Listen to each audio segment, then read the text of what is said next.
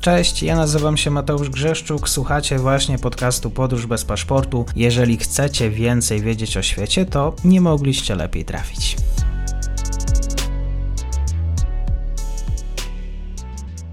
Dzień dobry wszystkim słuchaczom. Mam wielką przyjemność dzisiaj po raz kolejny zresztą gościć na kanale. Jest ze mną dr Andrzej Szabaciuk z Katolickiego Uniwersytetu Lubelskiego, również Instytut Europy Środkowej. Dzień dobry, panie doktorze, bardzo mi miło. Dzień dobry, kłaniam się nisko. Kiedy e, słyszymy w rosyjskich e, przekazach propagandowych, e, rosyjskich mediach, może ciężko jest się dzisiaj do nich dostać, Aczkolwiek, jeżeli ktoś żyje w świecie mediów społecznościowych, to zauważy, że Rosjanie uwielbiają wykorzystywać narrację i tutaj dzisiaj o niej e, porozmawiamy, narrację wokół okultyzmu, wokół satanizacji, desatanizacji, magii, e, właśnie jeżeli chodzi o to, co się dzieje na froncie. Panie doktorze, kiedy e, Rosjanie mówią o tym, że Ukraina to kraj nazistowski, faszystowski, to właściwie do kogo ma ten przekaz trafić? Do obywateli rosyjskich? Tak, przede wszystkim on jest skierowany do, do obywateli rosyjskich do y, osób, które pamiętają y, y, tak zwaną Wielką Wojnę Ojczyźnianą, ewentualnie do tych osób, które wychowały się na kulcie tej wojny. I te hasła, które są powtarzane przez propagandę rosyjską, one bezpośrednio się do tego odnoszą. Czyli krótko mówiąc, mamy powrót do tej sytuacji z, z lat 40., kiedy Wielka Rosja, Wielki Związek Radziecki, w cudzysłowie oczywiście, stawiał czoło faszystom, e, nawale faszystowskiej, jak to wtedy mówiono w propagandzie rosyjskiej. I to, to jest ciekawe, że nawet w tej symbolice wojskowej, jeżeli przyjrzymy się, e, jakie flagi noszą żołnierze rosyjscy, jakie flagi powiewały na czołgach na przykład, to ta symbolika radziecka i odwołanie do tak zwanej Wielkiej Wojny Ojczyźnianej jest dość częste. Więc ja myślę, że to jest też taka próba wykorzystania pewnego e, schematu, który funkcjonował w przeszłości, bo sprowadzenie kogoś do faszysty tak naprawdę e, to jest koniec dyskusji z tą osobą. Jest to osoba, z którą nie można dyskutować, z którą nie można polemizować, z którą nie można pójść na kompromis, tylko taką osobę po prostu trzeba wyeliminować, zniszczyć. I ja myślę, że tutaj od dłuższego czasu, przynajmniej od 2014 roku, propaganda rosyjska forsuje tak, tak, takie hasła, sugerując w ten sposób, że konieczne będzie zastosowanie środków nadzwyczajnych wobec Ukrainy. Dodatkowo też ja myślę, że tutaj e, hasło faszyzm e, czy denazyfikacja Ukrainy, one też w pewnym sensie pokazują zagrożenie, jakie Ukraina stanowi z punktu widzenia Rosji. To też w pewnym sensie ma na celu usprawiedliwienie ataku na Ukrainę, bo Putin nieraz podkreślał, że gdyby Rosja nie zaatakowała Ukrainy, to Ukraina zaatakuje Rosję. E, I, I to jest właśnie też w pewnym sensie rozumiane przez część społeczeństwa rosyjskiego. E, tą część, która można powiedzieć e, uległa przez te dekady funkcjonowania Związku Radzieckim sowietyzacji. I oni po prostu wierzą w te hasła zagrożenia może nie tyle ze strony samej Ukrainy, ale ze strony Zachodu. Bo Dodajmy jeszcze, że w propagandzie rosyjskiej Ukraina jest taką marionetką tylko i wyłącznie w rękach Zachodu. I niejednokrotnie Sergiej Ławrow czy Władimir Putin wprost e, mówili o tym, że e, oni chcą rozmawiać z mocodawcami Ukrainy, e, że Zełański to jest dla nich marionetka w rękach Stanów Zjednoczonych, Sojuszu Północnoatlantyckiego i stąd właśnie taka narracja, czyli dalej idąc tym, tym tropem, teraz y, mamy wojnę nie y, Rosji z Ukrainą, bo taką wojnę oczywiście Rosja by wygrała momentalnie, jak oni twierdzą, tylko Rosji z całym NATO. I, I dlatego tak ciężko ta wojna idzie, ale jak sugerują Rosjanie, zwycięstwo jest oczywiście po ich stronie. Więc to jest taka próba przygotowania społeczeństwa też na pewne wyrzeczenia e, społeczeństwa rosyjskiego, bo wiemy, że tak zwana Wielka Wojna Ojczyźniana, to był też okres wielkich wyrzeczeń. To był okres, kiedy całe społeczeństwo zmobilizowało się przeciwko walce z faszystowskimi Niemcami, e, ale też przyniosło ogromne koszty, ogromne straty i to były i koszty ekonomiczne, ogromna bieda, głód, ale też ogromne straty, jeżeli chodzi o skład osobowy Armii Czerwonej. Armia Czerwona i ogólnie wszystkie państwa Radzieckiego one najbardziej odczuły skutki II wojny światowej, bo ponad 24 miliony osób zginęło w czasie tej wojny, czy w wyniku walk, czy w wyniku głodu, chorób itd. Tak Więc to jest w pewnym sensie też próba przygotowania e, Rosjan na te ogromne koszty, na tę ogromną, ogromną cenę, jaką przyjdzie zapłacić za wojnę z Ukrainą, czy w przekazie propagandowym e, na wojnę z Zachodem. Ja myślę, że widzimy teraz już powoli, że te koszty faktycznie są ogromne i Rosjanie no, coraz bardziej jednak sceptycznie odnoszą się do pomysłu kontynuowania wojny, bo dopóki ona dotyczyła tylko e, wydarzeń, które były odległe od nich, które nie, nie dotykały bezpośrednio ich rodzin, to jeszcze można było w jakiś sposób akceptować e, e, wojnę z Ukrainą. Ale teraz, kiedy ma miejsce mobilizacja, kiedy już dochodzą informacje o, o, o śmierci osób zmobilizowanych we wrześniu, w październiku tego roku, e, ta sprawa już ma zupełnie inny obrót i, i coraz więcej Rosjan ma wątpliwości, czy ta wojna może skończyć się po prostu zwycięstwem e, Federacji Rosyjskiej. W związku z tym, że Ukraina jest tym pionkiem Zachodu, e, jest całkowicie kontrolowana przez Sojusz Północnoatlantycki, to rozumiem, że Ukraina też e, powiela wszystkie wzorce, które funkcjonują w świecie Zachodu, przede wszystkim no, te wartości, które nijak oczywiście oficjalnie mają się z, z tym, co panuje w Federacji Rosyjskiej, zgniły Zachód. No i tutaj poproszę pana doktora o rozszerzenie. Tak, to jest oczywiście y, ten schemat, który funkcjonuje już od dłuższego czasu, jeżeli chodzi o narrację propagandową rosyjską, ale zauważmy, że na przykład także bardzo mocno forsuje to cerkiew prawosławna, bo ostatnie wypowiedzi patriarchy Cyryla, one pokazują, że on myśli podobnie, czyli on uważa globalizację za e, dzieło antychrysta, on uważa e, e, demokrację, można w ten sposób czytać też, czy, czy liberalizm, w stosunkach międzynarodowych jako, jako też dzieło e, złego.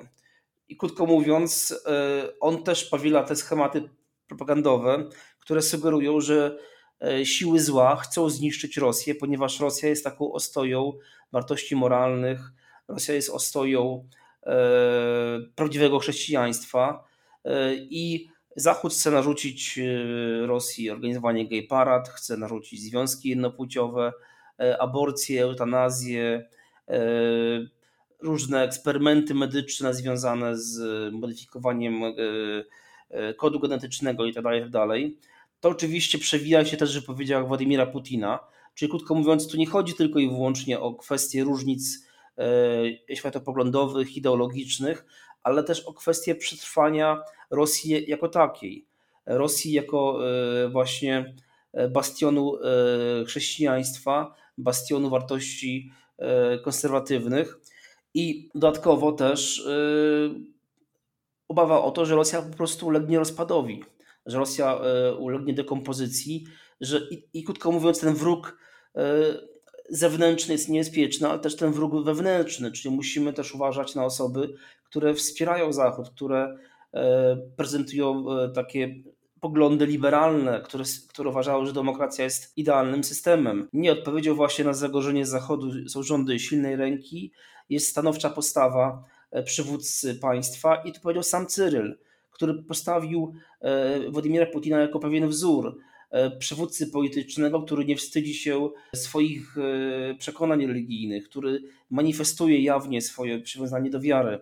Więc to jest trochę kuriozalne, można powiedzieć, że przywódca cerkwi prawosławnej stawia dyktatora, osobę, która ma krew na rękach, jako wzór moralności, wzór, wzór do naśladowania.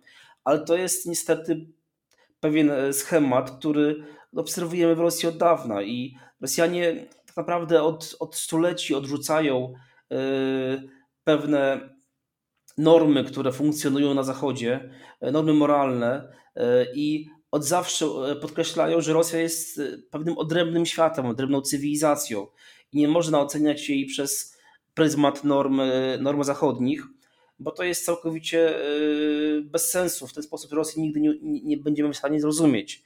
Ja myślę, że tutaj też ten mit o, o, o, o tym, że Rosja jest takim państwem, gdzie te wartości rodzinne, wartości chrześcijańskie są pielęgnowane, on, on w pewnym sensie ma też pokazać wyższość Rosji nad Zachodem.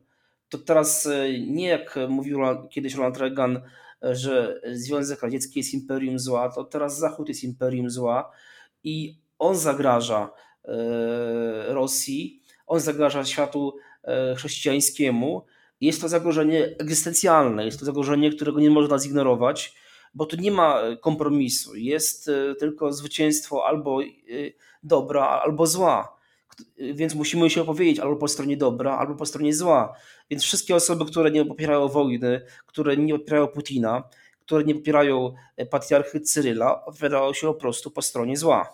Mhm. Zastanawiam się, jak ma się do tego fakt, że jeszcze pół, jeszcze chyba w zeszłym roku dane za zeszły rok e, pół miliona aborcji farmakologicznych wykonywanych w Rosji rocznie, dodatkowo oczywiście e, narkotyki, które, jest, które są dużym problemem. Dodatkowo rozwody, alkoholizm, no to chyba nie są konserwatywne wartości. No jeszcze, jeszcze nieco ponad dekadę temu w Rosji było więcej aborcji niż żywych narodzin. Czyli na 100 żywych narodzin było ponad 100 aborcji. E, to, I to pokazuje też z jednej strony oczywiście e, problem poważny demograficzny, bo to jest oczywiście też kwestia po prostu taka, że zbyt mało rodzi się dzieci i a Rosja mierzy się z ogromnym e, kryzysem demograficznym już praktycznie od rozpadu ZSRR, ale z drugiej strony też pokazuje e, znikomy poziom edukacji seksualnej, bo przecież e, stosowanie antykoncepcji mogłoby zapobiec zapobiec taki, takim drastycznym rozwiązaniem jak aborcja. Dla wielu Rosjanek aborcja jest po prostu jak zwykły zabieg, jak wyrwanie zęba. I to jest też przerażające, bo to pokazuje, że E, no to, to nie ma nic wspólnego z wartościami chrześcijańskimi ani z jakimś e, pielnowaniem konserwatyzmu. E, dalej kwestia rozwodów, no, jeśli chodzi o Rosję, to jest jeden z najwyższych, najwyższych odsetków w skali całego świata. Więc trudno mówić o, o, o stoi wartości rodzinnych w państwie, gdzie rozwody są na porządku dziennym. Ale to jest tylko oczywiście wszystko pewna, pewna figura retoryczna wykorzystywana przez przez Putina. Sam Putin jest przykładem właśnie takich e, pielęgnowania wartości rodzinnych. E, jego rozwód z małżonką, później e, kochanki, które się trafiły po tym rozwodzie. No to jest przykład właśnie takiej hipokryzji zwykłej i próby kreowania się na, na silnego przywódcę świata konserwatywnego, jednocześnie jednak niewiele mającego wspólnego w rzeczywistości z tym konserwatyzmem. Więc ja myślę, że to jest po prostu tylko kwestia E, wykorzystywana do mobilizowania społeczeństwa przeciwko Zachodowi, przeciwko liberalizmowi, przeciwko demokracji, bo w ten sposób możemy też eliminować wszystkich, e, którzy dążą do zmiany władzy w Rosji, którzy sugerują, że w Rosji powinien rządzić przywódca demokratyczny, którzy sugerują, że w Rosji powinny nastąpić zmiany. Żeby też być uczciwym wobec słuchaczy, z tego co się orientuje, aborcja ukraińs na Ukrainie, również e, sam kraj, nasi wschodni sąsiedzi są dosyć wysoko, ale tutaj zachęcam Państwa słuchaczy do już znalezienia danych, bo to też jest rzeczywiście prawdą. Kulty neopogańskie, praktykowanie czarnej magii, to jest coś również, co Rosjanie wykorzystują w tej, nazwijmy to, dehumanizacji Ukraińców, jak to też pan doktor napisał w tekście, który będę linkował w opisie tego programu. Tutaj warto zwrócić na jeszcze jedną kwestię, że te, że te problemy się ze sobą oczywiście łączą, bo po pierwsze, jeżeli ktoś walczy z chrześcijaństwem, walczy z e, wartościami konserwatywnymi, to oczywiście najczęściej są to osoby, które są przeciwne chrześcijaństwu, tak? E, więc e, tutaj te oskarżenia o zwalczanie chrześcijaństwa, ale czytaj prawosławia przede wszystkim, tak? Czyli oskarżanie armii ukraińskiej o to, że prześladuje duchowieństwo prawosławne, że prześladuje wyznawców prawosławia, te kuriozalne oskarżenia o, o próby ukrzyżowania, czy ukrzyżowanie wręcz e, chłopca w Słowiańsku w 2014 roku, czy w roku następnym rzekome spalenie tak zwanego separatysty na krzyżu przez e, azowców. To były oczywiście próby pokazania, że mamy do czynienia z siłami zła, e, ale to też w pewnym sensie łączy się z, z, to, z, tym, z, tym, z tym hasłem denazyfikacji, ponieważ propaganda rosyjska łączy to także z okultyzmem e, e, germańskim, faszystowskim, wykorzystywanym też przez e, faszystów, przez nazistów niemieckich. I tutaj te praktyki, one gdyby mają sugerować, taką duchową, mistyczną wręcz więź z tymi radykalnymi oddziałami faszystowskimi, które walczyły przeciwko Rosji. I oczywiście jakieś ciemne siły, które stoją za armią ukraińską, za władzą ukraińską, który, których zadaniem jest obalenie władzy, która obecnie rządzi na Kremlu, oraz oczywiście uderzenie w chrześcijaństwo, uderzenie w prawosławie. I w tym kontekście także pokazywana jest innymi kwestia zabiegów o uzyskanie autokefalii przez Kościół prawosławny Ukrainy. E, tak pokazywane są próby ograniczania e, aktywności tych najważniejszych ławr. Mamy teraz skandal w Kijowie e, z ławrą peczerską. No wiemy, wiemy dokładnie, że ten problem nie jest nowy i pieśni patriotyczne rosyjskie, czy literatura prorosyjska w ławrach e, na Ukrainie, to jest problem, który jest tak naprawdę od upadku ZSRR. Ukraina nic z tym nie zrobiła i niestety teraz płaci cenę wysoko za to, ponieważ e, te środowiska od dawna działały na, na, e, na niekorzyść Ukrainy i podsycały nastroje antyukraińskie. I oczywiście to wszystko jest też nacechowane pewną taką, można powiedzieć, wyższością moralną Rosji. Czyli y, po pierwsze, my walczymy nie tylko, można powiedzieć, z faszystami, ale wręcz z satanistami, walczymy z ciemnymi mocami, które próbują y, obalić y, legalną władzę w Rosji. Te siły są wspierane oczywiście przez Zachód i to jest ten element forsowania ideologii, w cudzysłowie oczywiście e, LGBT, e, forsowania, forsowania innych, innych koncepcji, które są obce Federacji Rosyjskiej. I niestety, i niestety e, wielu Rosjan wierzy w takie, w takie mity, w, takie, w, takie, w taką narrację, przez co poparcie dla wojny, poparcie dla agresji na Ukrainę rośnie, ponieważ no to jest wojna w, tej, w tym przekazie propagandowym, wojna tak naprawdę ze złem, o czym już mówiliśmy, tak? Więc każdy element, który e, może sugerować, że szczególnie e, oddziały oskarżane o, e, o sympatie neonazistowskie, między innymi Azow tutaj jest na pierwszym miejscu od lat, każdy element sugerujący na ich związki z neopogaństwem, z satanizmem, z jakimś okultyzmem jest oczywiście rozdmuchiwany przez propagandę rosyjską, ale to często to jest symbolika runiczna wykorzystywana po prostu jako pewien symbol rozpoznawczy oddziału, który, pułku Azow, który po prostu od, od, funkcjonuje od dawna. No ale to jest e, dla zwykłych Rosjan nie do końca zrozumiałe e, i oni po prostu wierzą w te hasła, tym bardziej, że cerkiew prawosławna także popiera taką narrację. Ona, ona krytykuje nie tylko e, oddziały ukraińskie oskarżane o poglądy neonazistowskie, ale krytykuje także cerkiew ukraińską, która dąży do autokefalii, która dąży do e, samodzielności i, i oderwania się od Moskwy, krytykuje władze ukraińskie, więc tutaj mamy do czynienia, co najgorsze właśnie, z, nie tylko z, e, z taką rewelacją polityczną, ale też e, z taką presją, można powiedzieć, religijną ze strony patriarchatu moskiewskiego i ona jest coraz bardziej widoczna. Coraz, coraz bardziej widoczne jest to, że patriarchat moskiewski stoi ręka w rękę z Władimirem Putinem i w pewnym sensie usprawiedliwia jego zbrodnie wojenne, jego brutalne działania przeciwko ludności cywilnej na Ukrainie. Tutaj też cytuję z tekstu to, co zapamiętałem właśnie w kontekście pułku Azov, o którym pan doktor powiedział, że Azowcy mieli e, kultywować satanizm, rytuały krwi ofiar z ludzi po to, żeby rzeczywiście też wzmacniać może tak e, swoje moce bojowe. Pojawiły się, e, tutaj też pan doktor wspominał o tym, że Zełęński miał zatańczyć, o ile dobrze pamiętam, w tańcu z gwiazdami, w skórzanym stroju, w rytm właśnie satanistycznej, okultystycznej muzyki. Oczywiście, co miało go w jakiś sposób dyskredytować. No oczywiście media rosyjskie rozpowszechniły to, że no tutaj popatrzcie Państwo, prezydent Zełenski wpisuje się w to, co właściwie mówimy. To jest niezwykle, to nie wiem, czy to bawi, czy już bardziej żenuje. O tak. Ale też jeśli chodzi o wzmacnianie pułku Azow przez y, magię i tak dalej, to też w pewnym sensie ma na celu usprawiedliwić, inaczej powiem, można powiedzieć, wytłumaczyć, dlaczego Mariupol tak długo się bronił, dlaczego te oddziały są takie waleczne, tak skuteczne i tak ogromne straty zadawały armii rosyjskiej czy armii separatystów. To jest też ciekawe, bo dla wielu Rosjan nie jest zrozumiałe, dlaczego armia rosyjska nie może wygrać na Ukrainie. Przecież ta wojna miała trwać trzy dni. Ona miała być szybka, ona miała być e, zwycięska. Zaraz miała być zorganizowana parada w Kijowie.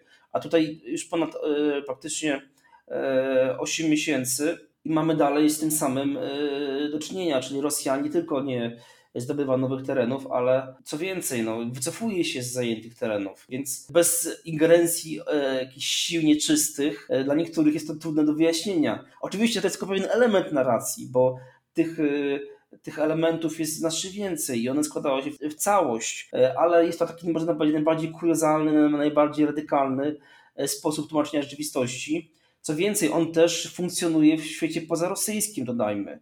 On jest rozpowszechniany m.in. w Ameryce Południowej, w Afryce. Nawet on tam trafia na bardziej podatną glebę niż samej Federacji Rosyjskiej. Więc e, to jest też w pewnym sensie łączenie Ukrainy z tym zepsutym, satanizowanym, zdemonizowanym Zachodem, bo dla wielu muzułmanów e, Zachód to jest po prostu to jest zło. To jest właśnie taki, taki, takie symboliczne przeciwstawienie tego, co, co jest w ich państwach, w ich, w ich krajach. I tutaj myślę, że Rosjanie mają tego świadomość. Oni też próbują taką narrację tworzyć, aby dyskredytować przede wszystkim Ukrainę, bo chodzi tutaj oczywiście o Ukrainę, a z drugiej strony usprawiedliwić te radykalne środki, ataki na infrastrukturę cywilną, na elektrownie, elektrociepłownie, e, szpitale, szkoły, ponieważ e, no, walczymy ze złem, więc te środki nadzwyczajne, one są konieczne, ponieważ jest to zagrożenie egzystencjalne. Jeżeli my przegramy, to będzie koniec koniec Rosji, koniec prawdziwego chrześcijaństwa. Rzeczywiście, może Ukraińcy wygrywają, bo wspiera ich amerykański kościół szatana, który potępił oficjalnie. No, no tak, oczywiście to są takie kuryzalne wręcz argumenty, e, ale prawda jest taka, że jak się wsłuchamy w, w różne przekazy propagandowe rosyjskie, no to tych dziwnych, e, ale, ale przemyślanych, to trzeba dodać też, e, przekazów, które trafiają jednak na podatny grunt, jest znacznie więcej. I tylko warto pamiętać o jednym, że ten przekaz odwołujący się do kwestii moralnych, kwestii religijnych, on dla wielu osób, szczególnie wierzących, jest bardzo istotny. I dodajmy, że to nie dotyczy tylko prawosławia, ale też dotyczy także e, ludności muzułmańskiej, bo przecież Ramzan Kadyrow wzywa też do świętej wojny przeciwko Ukrainie. On wręcz sugeruje, że każdy muzułmanin, jeżeli jest osobą honoru, jeżeli nosi brodę, jeżeli uważa się za prawdziwego, e, prawdziwie wierzącą osobę, on powinien chwycić karabin i pójść na Ukrainę, ponieważ na Ukrainie e, jest, mamy do czynienia z wojną E, chrześcijaństwa, islamu z złem, z satanizmem. Co więcej, dodatkowo sugeruje, że należy zetrzeć z powierzchni ziemi miasta ukraińskie, żeby pokazać Ukraińcom, po czyjej stronie jest siła, żeby w końcu Ukraińcy przestali atakować pozycje ukraińskie. Oczywiście to miało miejsce po tym, jak Ukraińcy zaatakowali jeden z ważniejszych punktów stacjonowania wojsk czeczeńskich na Donbasie gdzie zginęło kilkaset osób. I to też było, było, było konsekwencją takich no, emocjonalnych trochę przeżyć Ramzana Kadyrowa. Tym niemniej jednak to pokazuje, że on, ta narracja o, o walce dobra z złem jest też obecna wśród muzułmanów i, i on też e, wykorzystuje e, hasła no, dżihadu przeciwko Ukrainie, co jest dość kuriozalne, można powiedzieć, w, w kontekście tej całej sytuacji i wojny, jaką Rosja spętała przeciwko Ukrainie. Dzisiaj na temat tego, że zło przyszło z zachodu i zachęcam Państwa do sięgnięcia do tekstu, też tam być może rozszerzenie niektórych kwestii. Dr Andrzej Szabaciuk, Katolicki Uniwersytet Lubelski, Instytut Europy Środkowej. Bardzo dziękuję za spotkanie. Dziękuję, kłaniam się nisko.